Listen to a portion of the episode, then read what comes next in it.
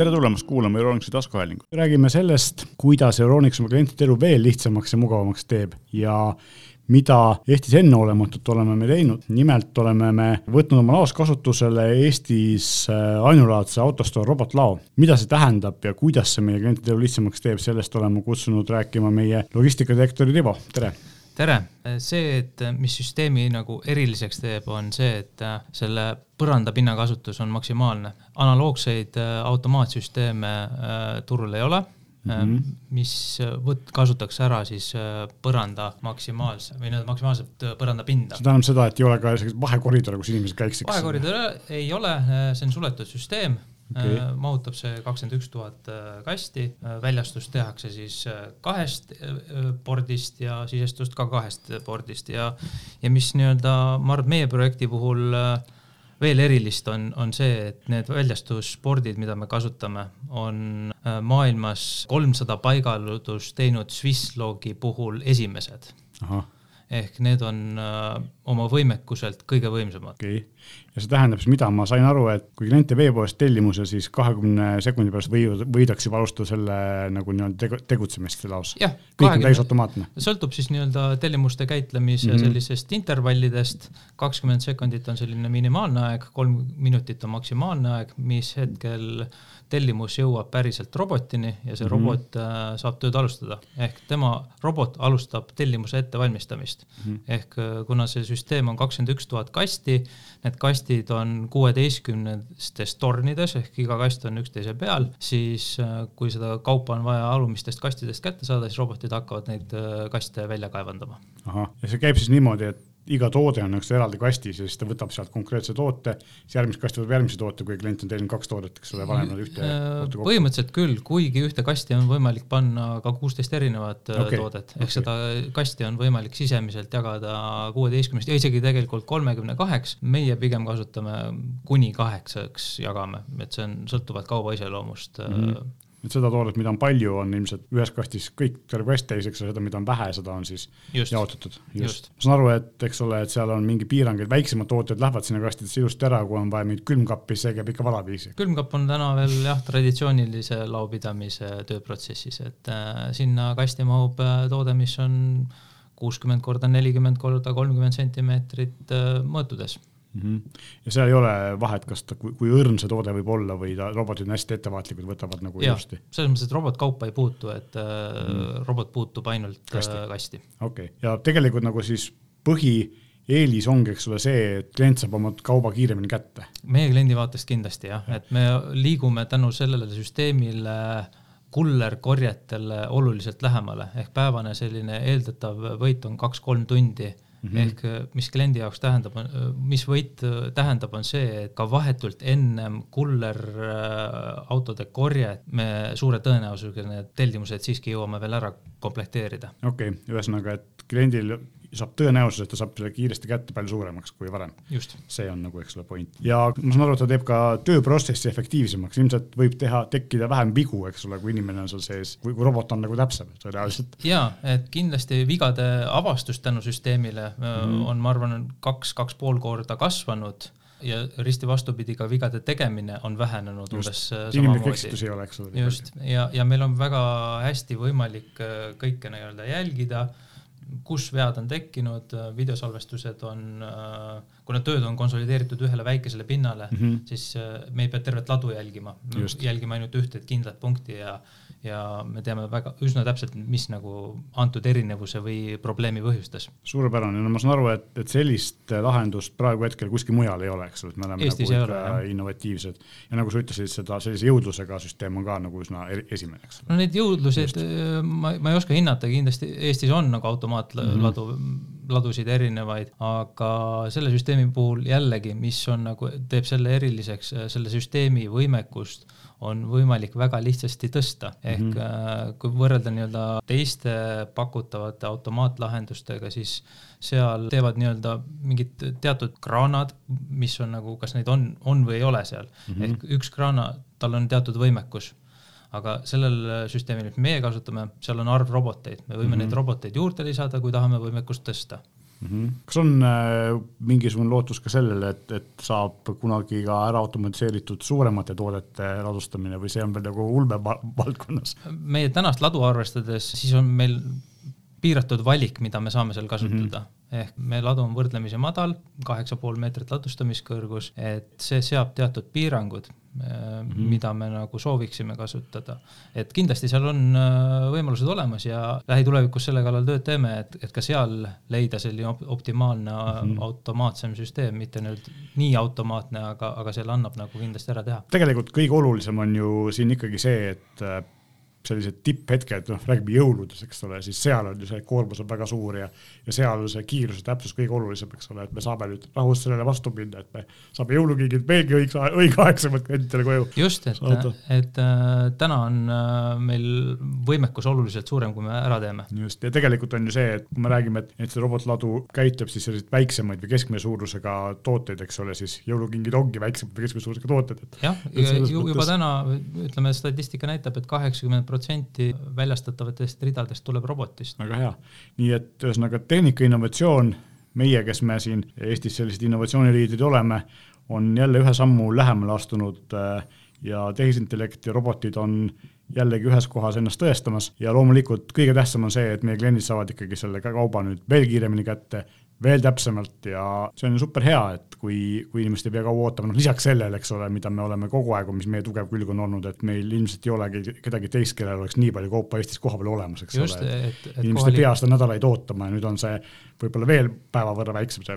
just, et, et ma leian ka, et kohalikul turul ikkagi nagu oma lao pidamine on vajalik et äh, tead, kust kaup tuleb, äh, saab üsna kindel olla. just, et siis ongi meie need nii-öelda kaks sellist kõige tugevamat kohta, üks on see, et meil on palju füüsilisi poode, suure pinna, kus inimesed saavad reaalselt seda kaupa katsuda. Ja kui nad on selle ostnud ja, või e-poest tellinud, siis nad saavad selle kiiresti kätte, et nad ei pea ootama kuu aega või ei ole sellist tühje lubadusi, et, et toome ja tegelikult ei too, vaid meil on see kaup reaalselt olemas ja inimesed võivad olla kindlad, et äh, kõik, mis nad soovivad, on kiirelt, turvaliselt ja, ja loomulikult täpsete vigadeta kohal. nii et äh, selles mõttes väga hea innovatsioon ja loomulikult noh, ei väsi kordamas seda, et lisaks sellele, et meil on sellised ägedad äh, robotid ja ladu, siis tegelikult on ka meil peale selle kvaliteetne professionaalne kojuveetöö paigaldus, nii et, et ei ole ka seda probleemi, et tuuakse kaup ukse ette, vaid me toome üles ära, vajadusel paigaldame ära, et täisteenused, selles mõttes põhjuseid, miks eelistada Euronixit on rohkem kui üks. olen sama meelt. just, aga aitäh sulle, Rivo! aitäh!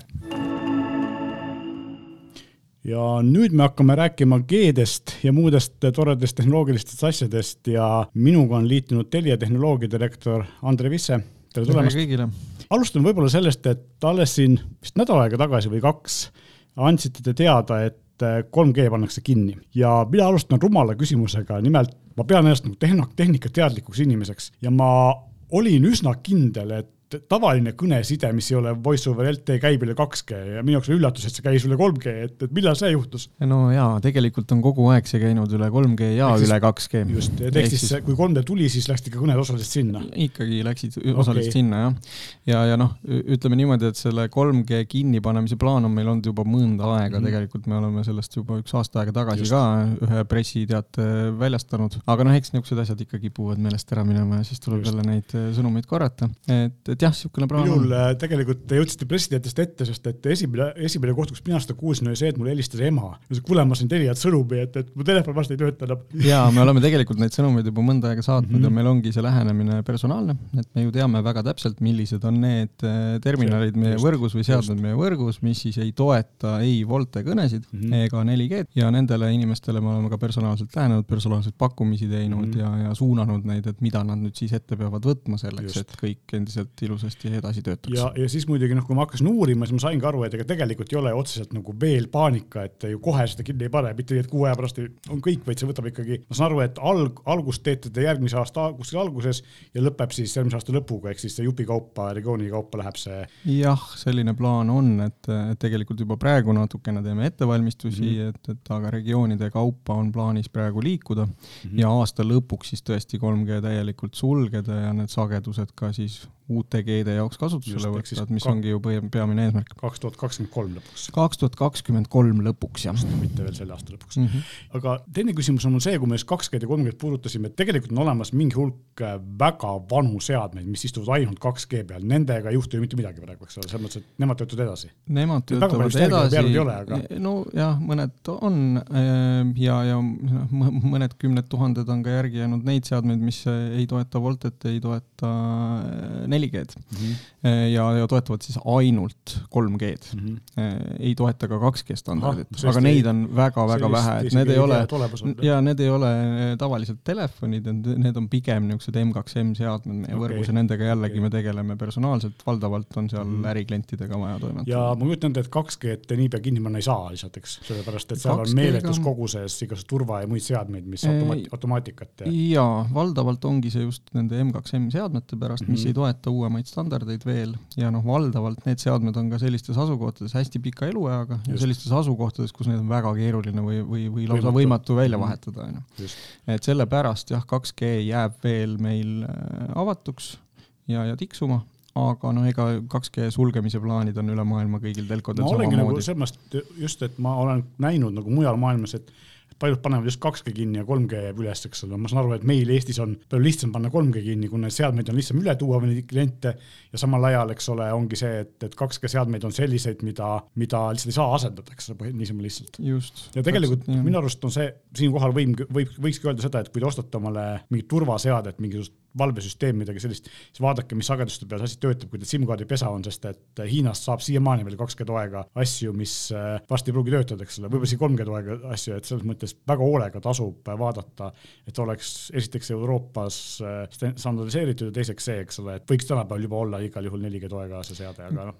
kindlasti jah, ja üldse, üldse nagu igasugustest kanalitest nende seadmete ostmine Just. üle maailma on suhteliselt riskantne, et noh, kindlasti on kindel nagu siit kohapealsetelt pakkujatelt osta seadmeid, seadmed Volte toega, mis on kindlalt ka meie poolt mm -hmm. testitud, järele proovitud, et ta meie võrgus ka korrektselt toimib. aga võib-olla räägimegi korraks Voltest ka, et ja, ja, ja see, sellest, et tegelikult küsin enne sellise küsimuse vahele, et kas, äh, kui kaks tuhat kolm G-st ja tegelikult neli G-st räägime, et äh, kas need võrgud, noh, 3G nagunii kinni, ütleme, räägime 4G-st siis, kui palju tehakse seal veel võrgu tihendamist või kas need võrgud on nagu põhimõtteliselt enam-vähem valmis või, või kui, kui palju nagu, nagu seal, miks ma räägin, küsin seda, see on mu nagu isiklik huvi, mul näitab erinevad äpid, et nii Telia kui, kui Elisa mast on suhteliselt ligidal ja mul on mõlemal, mul on telefonis kaks SIM-i, üks on Elisa oma, teine on Elisa oma, mõlemal on minim-, noh, vaevalt üks pulk ja kui mul ei oleks voice over wifi't, siis ma ilmselt tihti rääkida ei saaks, ehk siis mm. ka uus maja, eks ole, ilmselt see on see, et aknad ja kivi ja betoon ja nii edasi, aga, aga et noh, seal nagu vajaks tihendamist, aga tegelikult on ka ju kuskil on see piir, kui palju on mõistlik panna, eks ole, et, et vahe, mingid hetked ongi see, et sa võid sinna veel pasti juurde toppida, kasu sellest enam ei ole, eks ole. Mm., rääkima sellest, pole ärilist kasu. Mm.. no ega linnades me muidugi ei räägi üldse mastidest, et me räägime no, kuskil, valdavalt mingitest kõrgematest kohtadest, on ju, majakatustest. ja, ja seda tihendamist me teeme ikkagi pidevalt ja mm., ja kogu aeg ja, ja me jälgime, kuidas meil äh, võrgus koormused on ja, ja vastavalt sellele ka loomulikult võrgu planeerimine pidevalt käib, et kui võttagi noh, tänasel äh, päeval me teeme ikkagi väga palju või noh, enamus meie arendustöid on ju 4G võrgu just, peal. et, et noh, muidu me ju istuks käes rüpes, ei teekski midagi, et äh, kui me nüüd räägime mastikohtadest ja tihendamisest, vot siis seal on nagu see hoog aegust, aeglustunud oluliselt mm -hmm. ja, ja seda peamiselt just bürokraatia pärast, et meil on väga raske ikkagi neid masti äh, kasutuslubasid saada. Äh, ja, ja kooskõlastusi saada, nii et me tänasel päeval noh, suudame teha üks niisugune, meil on pidevalt töös viiskümmend masti kohta, mida me tahaksime rajada. Mm, -hmm, kus näeme vajadust, aga suudame siis aasta jooksul circa viis. Mm. -hmm. aga see... kui me mastidest räägime ja, ja tegelikult tulevikus see asi läheb nagu veel keerulisemaks, et kuidas seal on, kas, kas te teete ka konkurentidega koostööd, et ühe masti peal on mitme operaatori seadmed või, sest et noh, võimatu on ju igal, igal pilvel panna hästi üles. seda me teeme päris suures mahus tegelikult. Eestis ei ole, ma tean, et USA-s on hästi levinud see, et seal on nii-öelda taristufirmad ehk siis mastid allat-, allataksegi mingi mm, -hmm. mingisuguse firma poolt, kes müüb seda teenust edasi, et meie vist, meie oleme ikkagi väikesed. täna, täna veel ei ole, aga ütleme niimoodi, et Elasa alt me juba esimesi samme teeme mm -hmm. tegelikult kõigi operaatoritega koos, et okay. Äh, esimese masti tegelikult eelmise aasta jooksul rajasimegi ja, ja nüüd läheme kõik kolme operaatoriga sinna, no, sinna otsa. mulle, ma kujutan ette, et kui 4G osad sagedused on üsna kõrged, 5G sagedused on veel kõrgemad, seal peab panema veel tihedamalt, eks ole, ja ega seal nagu tänapäeval maa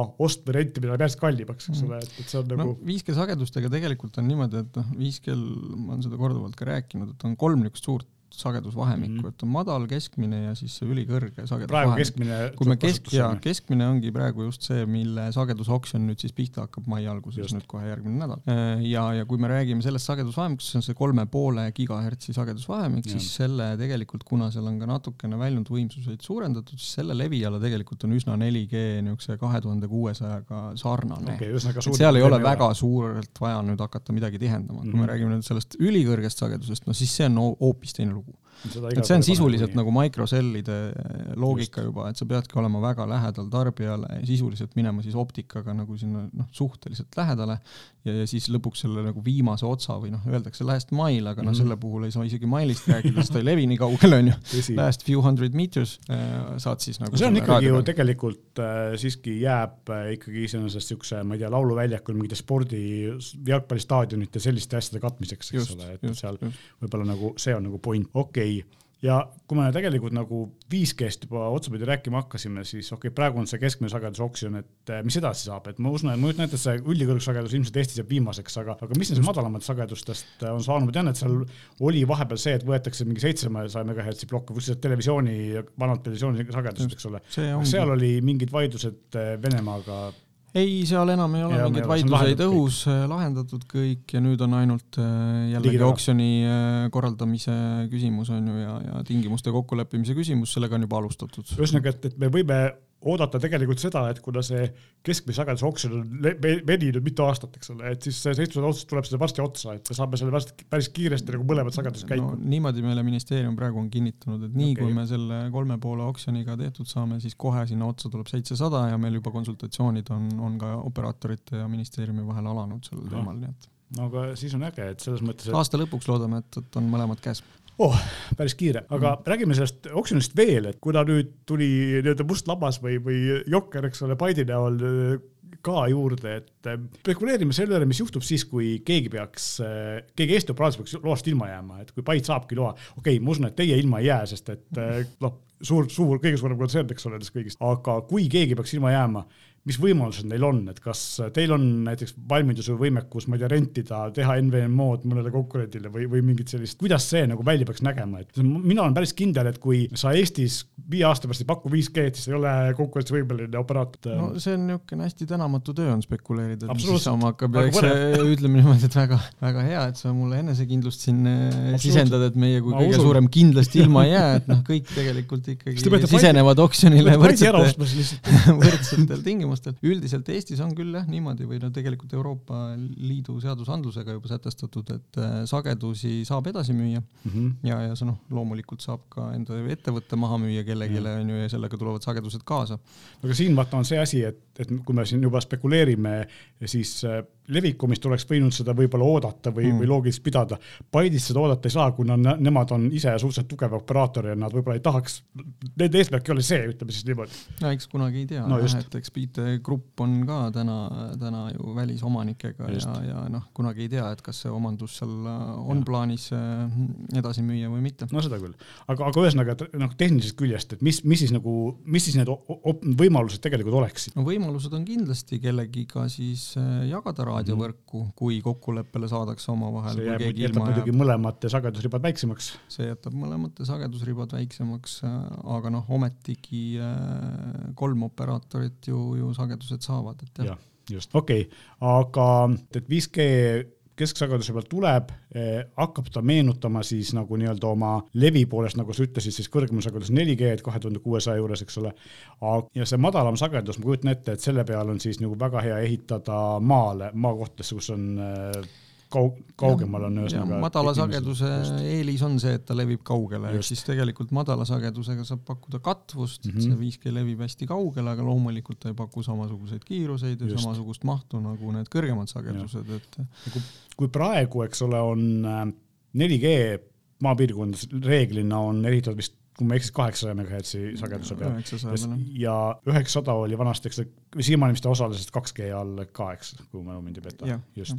et seal nagu täielikult see vaba ei ole. siis äh, kui nüüd 5G äh, tuleb seitsmesaja peale, siis kui palju see saab olla kiirem sellest natuke kõrgemal sagedusel olevast 4G-st, okei okay,, üks asi on see, et 5G on lihtsalt efektiivsem, eks ole, ta laseb rohkem seadmeid kanalisse ja nii edasi, aga, aga kas ta on ka reaalselt tegelikult, kuigi ta natukene madalama sageduse peal, reaalselt ka kiirem kui see kaheksasaja peal 4G mm. võiks ju olla? no üldiselt mitte väga oluliselt okay., natukene võib-olla, sellepärast et see efektiivsus nende mm -hmm. standardite vahel on niisugune erinevatel hinnangutel kümme, kakskümmend protsenti, samast sagedusressursist suudab siis uuem generatsioon välja võtta. ehk siis tegelikult on see, et, et kuigi tippkiirus see paremaks oluliselt ei muuda, aga juhtub see, et kui seal on palju seadmeid, nagu telefonid teht-, tegelikult enamasti on, noh, võib-olla ka mingisugused digiboksid, asjad, et kes kogu aeg ei kasuta, aga lülituvad tihti sisse-välja, eks ole, et, et see mm. hetkel, kui see liiklus toimub ja kui seda liiklust toimub, siis ta suudab intelligentsemalt lülitada ennast kellegi teise seadme peale, eks ole, ühesõnaga seda, seda ressurssi, ta tundub kiirem, kui ta tegelikult praktikas ei ole. kasutab niimoodi. seda ressurssi efektiivsemalt ära jah, mis,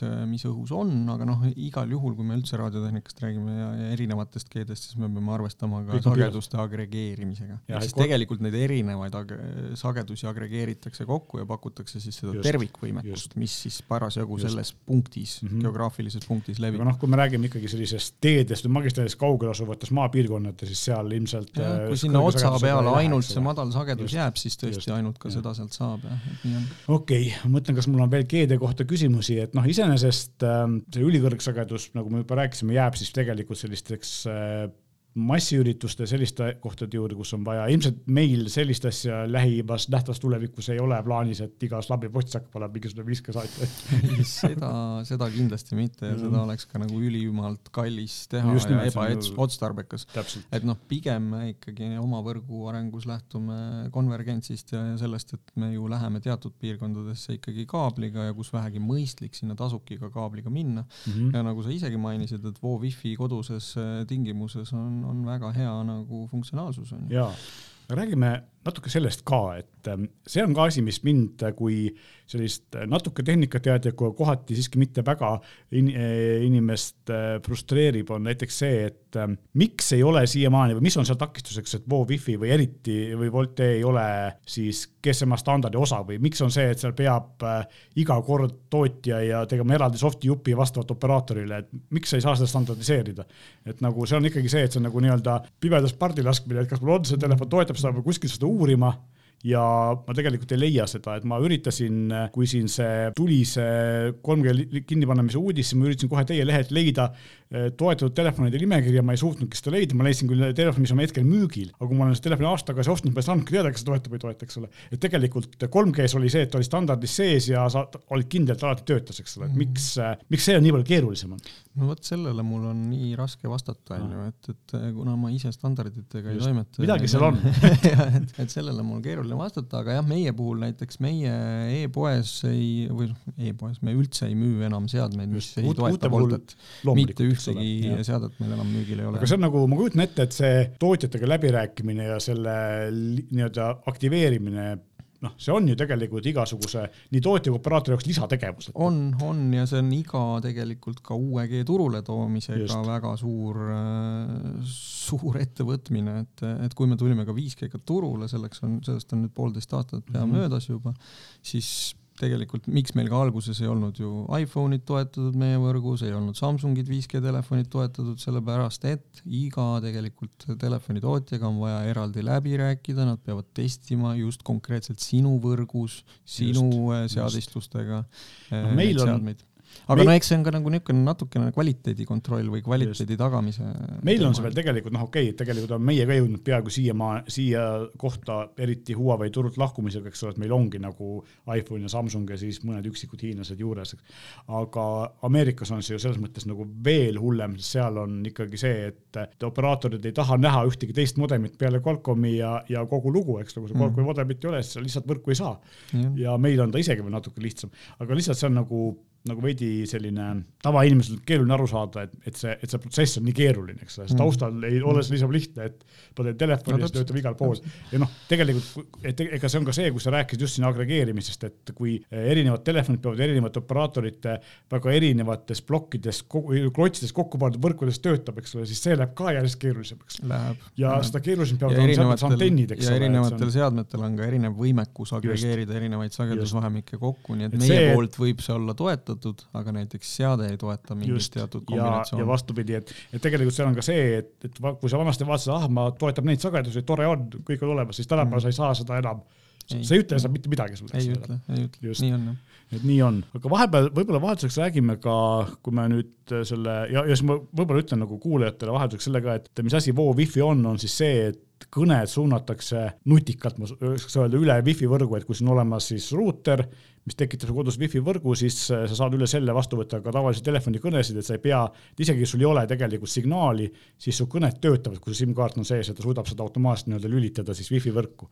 et selleks siis on, eeldab ka seda, et telefon seda toetab, see on sisse lülitatud ja operaator seda toetab, eks ole. et ja noh, iPhone'il ja Samsungi uuematel telefonitel on see kindlasti toetatud ja mm. mõningatel Xiaomi'del ja nii edasi ka, eks ole, et vähemalt ma tean, et Telial on see nii, Elisal enamasti ka ma ei ole kindel, kuidas Tele2-l on, eks ole, aga noh, see selleks. aga nüüd me jõuame järgmise asjani, mis mind frustreerib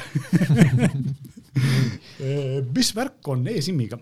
Et äh, see on minu jaoks täiesti ebaloogiline, et minu nagu sihuke tavainimese mõist ütleb seda, et kui ma teen endale Telia, Telia veebis e-SIM-i, mulle genereeritakse see QR kood, siis ma tahaks, et see nagu jääkski kehtima, et minu loogika ütleks seda, et kui mul on, ma vahetan telefoni, siis ma skännin uuest telefonist see QR koodi uuesti ja see maagiliselt tõstetakse mul uue telefoni üle mm. -hmm. ma ei peaks iga kord käima ja tegema uut äh, e-SIM-i ja see on jube tüütu ja eriti mina, kes ma tihti telefone vahetan, eks ole, aga et see võiks olla tehtud elu lihtsamaks, on tegelikult on tehtud elu keerulisemaks, et tavalise SIM-kaardi ümbertõstmine palju lihtsam. miks see nii on, kas seal on mingi tehniline põhjendus või? Äh, seal on ka jälle tehniline põhjendus taga, aga no eks kõik need standardid ka ju arenevad ja Just. ma arvan, ka e-SIM areneb ja muutub kindlasti kasutajasõbralikumaks, aga, aga täna, täna see kahjuks niimoodi ja. on jah, ja muud varianti seal teha ei ole. sest et noh, ma just siin sügisel kasutasin seda Samsungi Flippi, mis on siis äh, ühe, ühe SIM-i pluss e-SIM-iga ja siis, kui ma sellest tagasi muutsin, siis ma mõtlesin täitsa lõpp, et mm et mul on vist lihtsam äh, uus SIM võtta, kui hakata uuesti SIM-i genereerima. aga eks see nii on, sama, sama frustratsioon on ka näiteks ju mobiil-ID-ga, et no miks on vaja käia nagu sajas kohas seda nagu aktiveerimas no, tegelikult, ja PPA lehel ja, ja meie kontoris ja, ja, ja mina ütleks, et SIM-i see, vahetamas ja kõik need asjad ju tahaks lihtsamaks saada. noh, ma saan aru, et ka riik tegelikult sinnapoole nagu vaikselt tüürib, aga no, see võtab aega.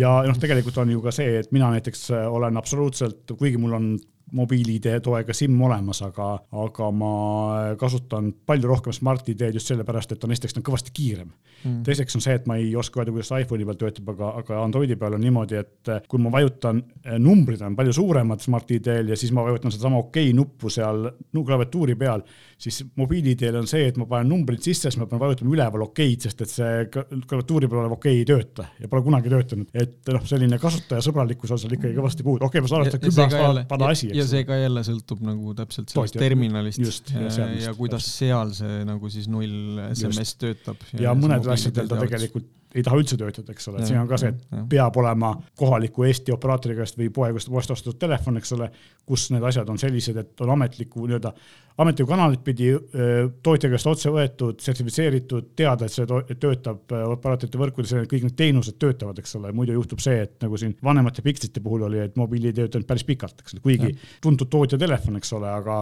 ametlikult meie regioonis ei müüda, järelikult ei pea olema ka ametlikku tuge, eks ole, nii et keegi pole testinud. et aga jah, selles mõttes see on nagu üks pidu suur soov, et saaks selle e-SIM-i paremaks, ma võiks kohe loobuda sellest füüsilisest SIM-ist et, et see on aga, nagu, nagu aga see, see juba, et meil ikkagi e-SIM-id on ja, ja sa saad igas seadmes ja ka kelladega ilusasti mm nagu. on juba progress, eks. on juba väga suur progress. mis sa ennustad, kaua võtab aega, et füüsiline SIM kaoks? seda on väga raske ennustada, et äh, ma ise arvaks, et noh ilmselt võtab see ikkagi veel niisugune viis kuni kümme aastat okay,. aga kunagi see juhtub nagunii? kunagi ta ilmselt juhtub niikuinii. esimesena ilmselt juhtub see mingites 5G seadmetes, mis on mingid nuti või, või sellised äh, nii-öelda. eks neid seadmeid, mis ainult e-SIM-i toetavad, tulevad järjest seadmed, kuhu füüsiline SIM ära ei mahu eks ole, just ma ei tea, ukselukk või mõni selline seal juhul pole nagu pointi seda toppida. aga no küll ta tuleb ka lõpuks mm nagu telefonidele no,, selleks see standard peab ka, nagu ma ütlesin, küpsema. ma kujutan ette, et tehniliselt on e-SIM-i tootmine telefonitootjatele või terminalitootjatele on odavam, kui seda füüsilist pesa sinna toppida, eks ole, tõenäoliselt. sest et seal peab olema ikkagi, ta peab olema kiibi pealt toetatud,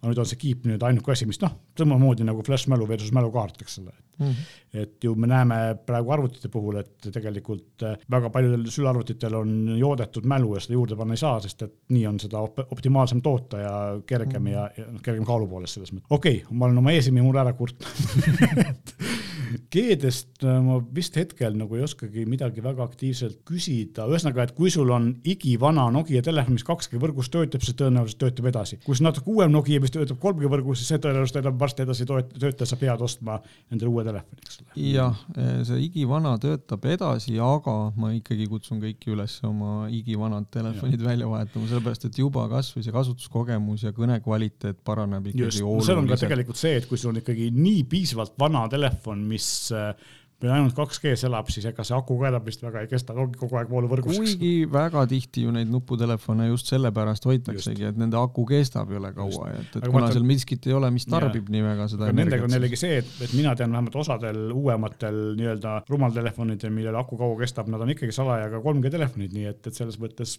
võib juhtuda, et. jah, ja, ja, ja no tänapäeval meil on ka endal müügis äh, telefonid, nuputelefonid, mis mm -hmm. on volte toega juba just. ja ei ole üldse kallist hinnaklassist, et seal odavamad on nelikümmend eurot. aga kas te ootate või samas, kas teil on äh, nagu noh, ilmselt panete kõvasti ressurssi ka sinna, et see inimeste teadlikkus, kuna need inimesed, kes on jäänud selliste seadmete peale, on ilmselt need inimesed, kellel tuleb seda teavitustööd rohkem teha, et need, kes nagu on teadlikumad ja huvitatumad sellest asjast, need on juba ümber lülitanud ennast. ja, ja mitte ainult, vaid noh, ilmselt need inimesed ei ole ka väga selle podcast'i ja, ja ka ülejäänud digisaadete Just. kuulajad on ju, kus meie, me sellest väga räägime. siin on ka meie poolt vaja teavitustööd siin teha. siin on, on esiteks meie poolt jah, teavitustööd vaja teha, aga, aga üleskutse üleskutse ka jällegi nagu äh, raadiokuulajatele või, või podcast'i kuulajatele, et, et kui teil on selliseid tuttavaid vanemaid inimesi, siis palun ka aidake ja assisteerige Just, ja, ja, ja suunake. Ma arvan, et eks nad ka küsivad, sest et tegelikult ju samamoodi nagu minu ema ütles, kuule, ma sain sellise sõnumi, et see tegelikult töötab juba väga hästi, eks ole.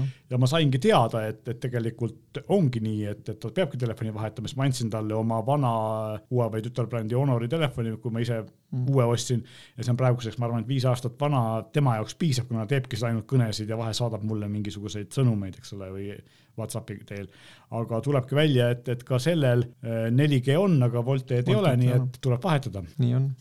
just, ta võib-olla ongi aeg, sest et ega tegelikult äh, see telefon on ka moraalselt oma aja ära elanud ja aeg ta saata auga puhkust aga okei okay,, aga räägime võib-olla natukene, kui me puudutasime siin maapiirkondi ja, ja kaablit ja nii edasi, et et ähm, kas kuskil on jäänud ka veel äh, mõni selline piirkond, kus ei ole optikat või kus, kus nagu ühesõnaga, kus VDSL või mõni selline asi ei, ei tööta, kus on veel mingisugune viiegigane maksimaalne kiirus, on niisuguseid kohti veel või? oi, neid piirkondi on, on väga palju, palju. Okay. Neid on väga palju ja sellepärast tegelikult ka ju äh, riik järgmise toetusvooruga Just. on tulemas välja ja, ja see tul-, seekordne voor on, on võrreldes eelmiste voorudega päris suur ka mahult, rahaliselt mahult, aga jah, selge on see, et nendes piirkondades piirkondades, mis nüüd on jäänud ilma kaablitoeta, noh, seal on selge põhjus, miks ta on jäänud Päris ilma. palju on kohti, kuhu ei saagi kaablit vedada või see meeletult kallis, eks? meeletult kallis ühe mm. majapidamise kohta, et see mitte kunagi ei tasu ühelegi operaatorile ära. no seal ilmselt ikkagi ongi see, et see ma ei tea, kaheksaja megahertsi peal 4G ja tulevikus 5G on need, mis selle, mis selle, eks ole siis. kindlasti, aga, aga ega probleem on ikkagi akuutne, sellepärast et noh, nagu me ka siin rääkisime, et kui me räägime maga-, madalast sagedusest, siis ega need kiirused seal mingid superkiired olema just, ei saa. ja tänapäeval ikkagi ka maapiirkondades on vaja kodu, kodust äh, koolitöid teha ja, ja, ja, ja kodukontoris olla, onju mhm ja, ja eriti võib-olla tänapäeval on see trend veel, et tahetaksegi sinna metsade vahele kolida rahulikult. see on jah, noored tahaks kolida, aga kui internet on ees, siis. just ja, ja sellepärast noh, ikkagi seda kaabelvõrku on vaja oluliselt tihendada ja mm, -hmm. ja ehitada maapiirkondadesse praegu operaatoritest, noh sisuliselt meie oleme ainukesed olnud, kes seda üldse teinud on, aga noh, selgelt ikkagi ärilistel alustel, et me ei saa ka lähtuda sellest. aga seal on ka vist, äh, vist mingid äh, lepingud ja diilid on sellised, et äh, Elektrilevi või keegi veab siis selle magistraali valmis ja siis kõik operaatorid saavad selle frandi alusel liisida või? no kui me räägime nüüd riigi abiga ehitatud ja. ühendustest, siis seal ongi põhimõte, et see on operaatorneutraalne, ehk mm siis rajatakse optikavõrk ja kõik operaatorid võivad seal peal oma teenuseid Just. osutada ja rendivad siis seda, seda aga optikat. kui suure ressursiga need tänapäeval tehakse, et ma kujutan ette, et noh, selles mõttes, et et äh, vaadatakse ette, eks mingiks X numbriks aastateks, et selleks peab, kuna järjest rohkem kiirused kasvavad, eks ole, et, et ta peab olema ka mingil määral tulevikukindel, eks ole, et keegi ei hakka uusi kaeve kaevab, neid samu kaeve lahti kaevab kolme aasta pärast, eks ole mm -hmm., et ilmselt seal on ju mingi ressursi, et kuidas, kuidas nagu teie seda vaatate, et vaata kaabli maha, siis te eeldate, et see nüüd kümneks aastaks piisab, et me ei pea seda rohkem kaevama siin või kuidas? mõnes no, kohas ilmselt no, ei saagi, eks ole. tegelikult ikkagi, ikkagi rohkemaks jah mm, -hmm. et üldiselt optika võiks niisugune kakskümmend viis aastat nagu vastu pidada mm. -hmm. et noh, siis ta ka moraalselt juba hakkab väsima ja, ja tuleb ka me, esimesi optika magistraale tegelikult, mis me oleme ehitanud siin üheksakümnendatel, noh, neid hakkame vaikselt välja vahetama, sest mm -hmm. Need kindlasti on... ei olnud ka sellise läbilaskega kui uued, eks ole? jah, et on ka uued tehnoloogiad peale tulnud tulnud äh, ja, ja palju efektiivsemad äh, kiud, et mm, -hmm. et sellepärast on juba mõistlik neid välja vahetada, aga, aga jah, äh, kanalisatsiooni mõttes loomulikult, et noh, meie kunagi ammustel aegadel rajati ka kaabelvõrku otse pinnasesse, mida mhm. loomulikult enam tänapäeval keegi ei tee ja see mõistlik Just. ei ole, et, et selleks pannakse ikkagi kaablikanalisatsioon ja kaablikanalisatsiooni saab ju, ju taaskasutada loomulikult kaablid sealt välja võtta ja uued kaablid sisse lükata. just vaatame siin meie kandis Haaberstis ehitatakse, noh praegu ehitatakse tegelikult seda Rannamõisa tee laiendust ja, ja siis teisel pool seal Harku järve ääres ehitatakse uut elurajooni, kus ma näen, et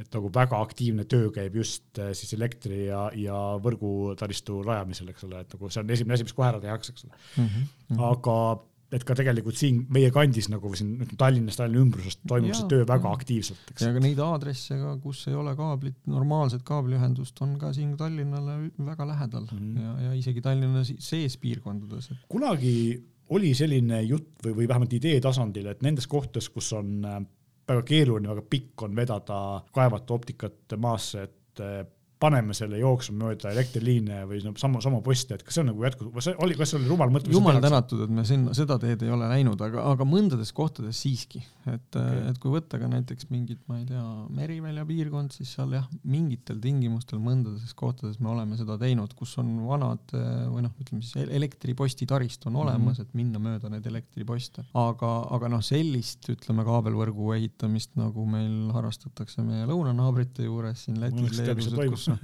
seal on, seal on noh, lausa veetud nagu kortermajast kortermajja otsekaabel on ju üle ka, ühelt katuselt teisele, et noh, niisuguseid ämblikuvõrke meie see meenutab mulle kuskil üheksakümnendate alguses, kui ehitati neid kooperatiivide mm. ühisantennisüsteeme, kus ühe peal katuselt teisele jooksis üheks. või lõunamaid on ju, et kui ja. seal käid, siis, siis oma pilgu taevasse suunad, siis ainult seda ämblikuvõrku näedki seal. täpselt, täpselt. okei okay,, aga ühesõnaga, et, et see optika arendus majandus ikkagi toimub väga aktiivselt ja samal ajal ilmselgelt jääb Eestis ikkagi ka üsna palju kohti, kuhu seda lihtsalt ei ole reaalselt võimalik vedada ja, ja seal me peame lootma selle peale, et 5G saab olema äge, eks ole.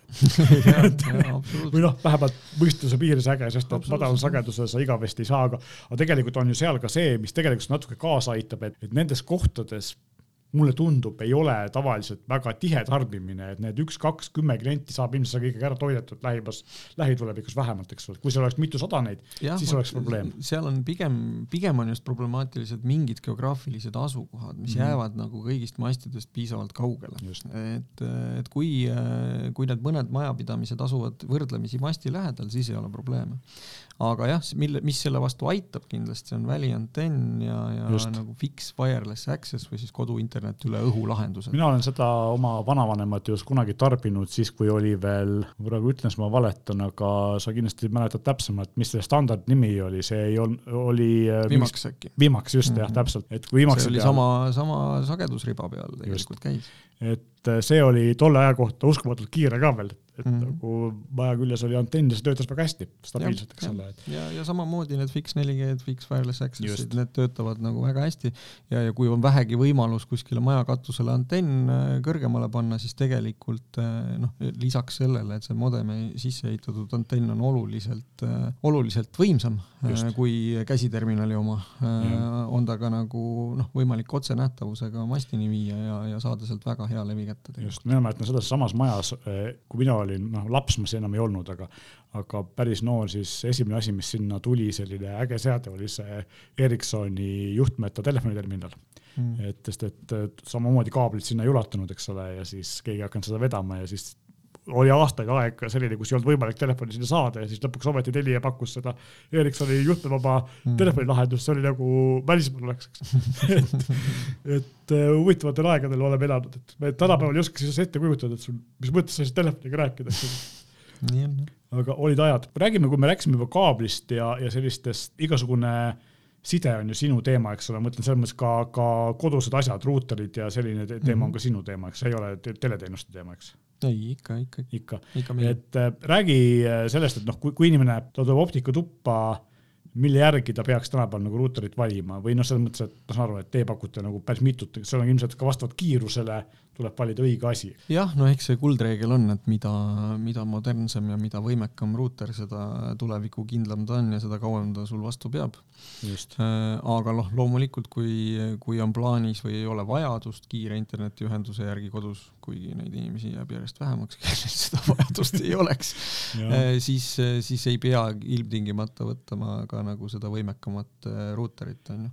aga noh, tänapäeval jah, meie pakume erinevaid ja erinevaid erinevate tootjate ruutereid. Teil on jätkuvalt olemas ka see mesh lahendus, eks ole, see, kus on mitu mesh lahendus ka ja, ja, ja see on äh, Smart Wi-Fi, me kutsume seda mm. lahendust. Äh, aga jah, sinna võib-olla jõuame, et, et aga ruuterite mõttes jah, et, et pigem võtta modernne ja, ja ikkagi noh kuldreegel on, et iga ütleme kolme kuni viie aasta tagant ikkagi tegelikult peaks ruuteri välja vahetama selleks, et, et ta väga hästi toimiks mm. ja, ja koduinternet oleks hea ja stabiilne. siinkohal ma tahaks ka kiita veel seda, et aastaid on olnud probleemiks see, et operaatorite, ruuterite, noh, enamus inimesi ei vaata mitte kunagi seda tarkvara, mis seal sees on, eks ole, aga mina seda teen ja, ja see on nagu olnud äh, suhteliselt kehv kõigil ja viimastel Telia ruuteritel on läinud järsku väga heaks, et see vist mingi Rootsi või mingisuguse startup'i tehtud tarkvara sa pead, mis on nagu kasutajasõbralik ja samas nagu võimekas, et see meeldib mulle väga.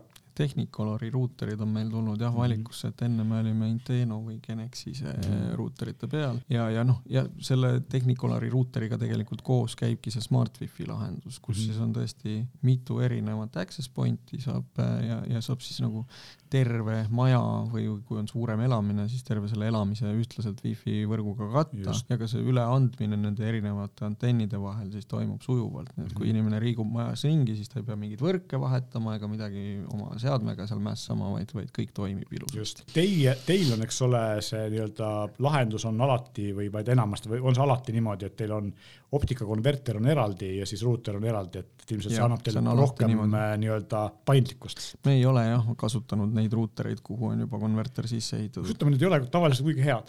Ei ole jah sellepärast ma seda ei teegi. mul oli äh, vanas korteris konkurendi Nokia äh, optikaga ruuteri ja selle tarkvara oli selline, et ma, tehnikud pidid mulle kinnitehnikud pidid mulle seletama, kuidas seda äkki tast normaalselt tööle saada, ühesõnaga, et see, see ei olnud nagu mõistlik ja, ja nüüd, kus mul on, eks ole, see pisike Huawei, ma ei mäleta, kelle karp on, mis on mm, konverter, eks ole, ja, ja ruuteri ma saan panna ükskõik kuhu, et see on nagu palju mõistlikum lahendus. just see, et kui ma tahangi seda nuti wifi't või mesh'i, eks ole, panna, siis tegelikult mõistlik on ju see, et kui mul eraldi on üks pisike karbike kuskil seal elektrikapis peidus ja siis see, need nii-öelda ruuteri leviala juba, just, just, just, just.. noh, alati muidugi on ka see variant, et, et ruuterist wifi välja lükata ja lihtsalt ainult access point'ide peale just. ehitada siis omal wifi, aga, aga noh, see ei ole ju otstarbekas, kui tegelikult on võimalik ka ruuter sinna, sinna mesh'i lülitada. täpselt, ja noh, teie puhul on ju tegelikult ka see, et, et sellel mesh'il on või selles mõttes, et noh, teil on, mis on minu arust üks Telia eeliseid, on see, et selle tugi, eks ole, et ma ei saagi, ei teagi, et mul midagi viga on, mul tuleb juba sõnum, et midagi on valesti, eks vaatame üle.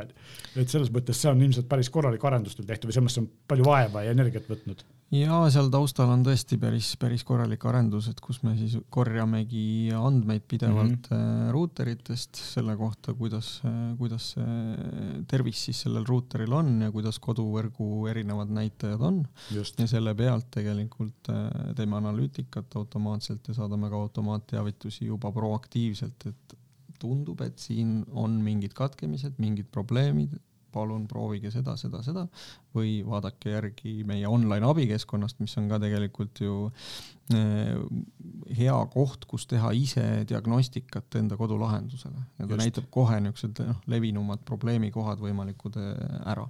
täpselt ja noh, tänapäeval ilmselt see on juba, võib-olla ei maksagi öelda, igaks juhuks ütlen ikka, et kui te ruuterit valite, noh, ilmselt Telia puhul ei ole, kui te valite Telia ruuteri, siis teile pakutakse koos teenusega sobiv ruuter kaasa, aga, aga kui te ostate kuskilt eraldiseisva ruuteri, siis äh, kui teil on ikkagi uuem, kiirem internet, ma ei tea, gigabitt viissada, kolmsada, siis äh, vaadake ikkagi selline ruuter, kus oleks ka pordid gigabitised, et kui te ostate kõige odavama ruuteri, siis te ei saa seda kiirustada kätte, siis pärast lähete operaatorit süüdistada, tegelikult ja, on, ma arvan, et te näete seda iga päev. mõistlik on ja ei, me näeme seda isegi mitte nii väga ruuterite kontekstis, aga rohkem wifi kontekstis, et, et noh, kuna tavatarbija ikkagi, tema lähtub sellest, et millist kiirust või kasutuskogemust tema läbi oma seadme just, tarbib. Ja noh, tavatarbija täna ikkagi ju seadmeid ei hoia kaabli otsas, vaid vaid üle wifi.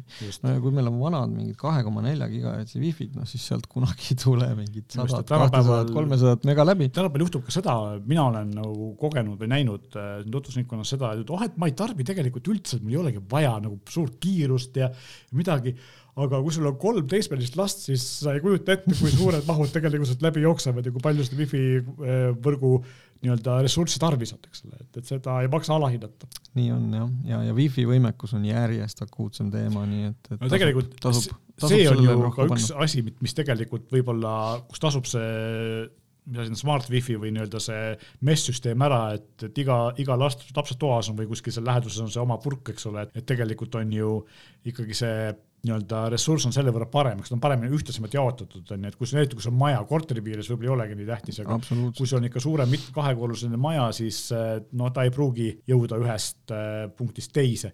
Ja tegelikult lisaks on ka see, et äh, mis ka teil on tegelikult tulemas või noh, tegelikult vaikselt on juba pihta hakanud, aga minu arust suur muudatus äh, selles, selles kontekstis on see, et kui seni olid digiboksid istusid kaabli küljes, nüüd nad liiguvad wifi'sse ja, ja üks suhteliselt palju ressurssi tarbiv kast on kohe juures. Äh, jah, nii on, kuigi noh, loomulikult jällegi soovitus meie poolt on pigem, et kui on võimalus äh, kaabliga see digiboks ühendada, siis, siis ühendada, sest see kindlasti on kvaliteetsem ja, ja parem ja tekitab vähem probleeme. et ma tahan selle ruuteri kuskile kappi ära peita eks ole, ma tean ka neid ja. inimesi, kes panevad ruuteri siinsamas esikust elektrikappi, mis on varjestatud metalli täis, eks ole, siis ütlevad oi, et wifi taha levida. no nii on jah, ja, ja, noh, see on natukene jah kahetsusväärne, et kui me vaatamegi oma võrgu kvaliteeti, siis üldiselt meie internetivõrgu kvaliteet tänasel päeval, eriti kui me räägime optikavõrgust, on noh, suhteliselt pommikindel ja väga hea no,. me võime selles ikkagi jah. väga kindlad olla ja, ja siis tegelikult seda enam on nagu halb kuulata neid kliendi pöördumisi, kus kurdetakse interneti kvaliteedi üle, samas me teame, et tegelikult see optika, mis tema majja jõuab ja see nagu üle, üle siis kaablivõrgu -hmm. internet on tegelikult ülimalt Just. ja tegelikult asi jääbki selle wifi seadmete taha ja tihti noh, need sisevõrgu lahendused on veel klientidel kas endale ehitatud mingite oma seadmetega, oma access point idega, et, et seda tasub kindlasti ja, vaadata. tegelikult ja, ta jääb ka ju teistpidi seadmete taha, et mitte ainult siis ruuteri taha, vaid ka nii-öelda klientseadmete taha, et sul lihtsalt arvuti või telefon ei võimaldagi suuremat kiirust, mis siis, et operaator ju lubab, eks aga siis tuleb vahetada, osta endale parem seade võib-olla needsamad, äh, üks, üks laine ilmselt, mis selle paremaks teeb, ongi see, et kuna 3G kinni läheb, siis need vanemad telefonid liiguvad võrgust minema, tuleb uuemad ja natukene parema, mitte natukene, vaid omajagu parema võimekusega, ka wifi võimekusega telefonid tulevad, eks ole, ilmselt paljudel inimestel, et, et see on nagu üks asi. kas sa oskad midagi öelda ka selle koha pealt, nagu ma just ise kurtsin seda oma probleemi, et mul nagu ei taha levida eh, tavaline mm -hmm. signaal, et, et noh, ma tean, et päris praegu on ju päris palju kolmekordse klaasiga aknaid, mis võtavad alumiiniumprofiiliga, et on sul mingeid nõuandeid sellega, et kuidas sellega nagu hakkama saada, et kuidas nagu paigutada asju või, või mis, mis seal peaks silmas pidama või, või ei ole sul mingeid häid mõtteid? ega seal väga häid lahendusi kahjuks ei ole Just. ja see ongi väga suur probleem ja see muutub järjest suuremaks probleemiks ka. mina ka ei osanud seda oodata et, et noh, see kolm pool ikkagi on veel kõrgem sagedus ja, ja, ja need kolmekordsed aknad on sellel puhul veel no, suurem probleem. ma nägin, et ahah, et mõlemal operaatoril on levi põhimõtteliselt nullis, siis mu esimene mõte oli selge, et mul on sellise koha peal, kus maste ei ole või noh, kus mm. ei ole nagu mitte maste kus ei ole saatjaid, eks. aga õues on levi küll. ja siis ma, õues on levi küll ja siis mm. ma vaatasin, ah, et näed, et ma ei tea üks, ühe operaatori mast on saja meetri kaugusel, teise operaatori mast on saja viiekümne meetri kaugusel, peaks olema nagu suurepärane, eks ole, noh mm -hmm. tegelikult on küsimus ajas. seal on variante, on, on repeater loomulikult mm, -hmm. aga, aga noh, eks see tuleb jälle oma kuluga, onju. aga noh, kui kodus ikkagi. kas teie pakute on... repeaterit? ja, ja okay. meil on täitsa repeaterid on tal müügis. okei okay., ja noh, loomulikult nagu me ennem rääkisime, et kui telefonil on leviga probleeme, seal on äh, siis äh, voice over wifi tugi, siis see aitab tegelikult kaasa sellele, et äh, kõned saab ära peetud ja noh, kui on kõik muud äh, asjad, mida tahavad telefonis kasutada, need töötavad üle wifi nagunii. jah, täpselt nii. ei ole, ei ole nagu küsimust. okei okay,, on sul veel mingisugust äh, nõuandeid, mida sa tahaksid klientidele jagada või, või mis nad peaksid teadma, mingeid küsimusi, mida mm. palju küsitakse, mida on mõistlik ennetada? ma arvan, et me käisime suurema enamuse nendest juba läbi, lihtsalt mm. üleskutse veel kord, et, et kuna 3G võrgu sulgemine tõesti plaanis on ja, ja ma tean ka, et teistel operaatoritel see tegelikult plaanides on paratamatult on ju lähitulevikus, siis, äh, siis on mõistlik ka tänasel päeval juba valmistuda selleks ja, ja vahetada oma vanad seadmed välja ja nagu Just. ma ütlesin ka, kindlasti hoolitsege ka oma, oma vanemate ja, ja vanemate inimeste eest, et, et ka nemad oleksid teadlikud. ja, ja seadme valikul siis kindlasti, et oleks kindlasti korralik sertifitseeritud seade siit Eestist koha pealt ostetud Just. ja, ja, ja Volte toega kindlasti. täpselt ja kui äh, ise saate või keegi vanavanematest ütleb, et sain sellise sõnumi, siis esialgu tasub paanikasse sattuda, kuna selle aasta jooksul neid veel kinni ei panna, et teil on natukene puhvrit valida omale seda õiget telefoni ja, ja seda vahetada siis. täpselt nii. just mm. -hmm. aitäh sulle, et tulid meiega rääkima aitäh! Äh, kui teil on aga küsimusi, mida te tahate meilt küsida või tahate meil äh, teada anda, millest me peaksime siin saates rääkima, siis võite meile kirjutada, meie aadress on saade.euroniks.ee ning loomulikult võite ka alati kirjutada meie äh, Facebooki või Instagrami postituste alla, me loeme need kõik läbi ja teeme seda saadet täpselt nii, nagu teie soovite. meie täname kuulamast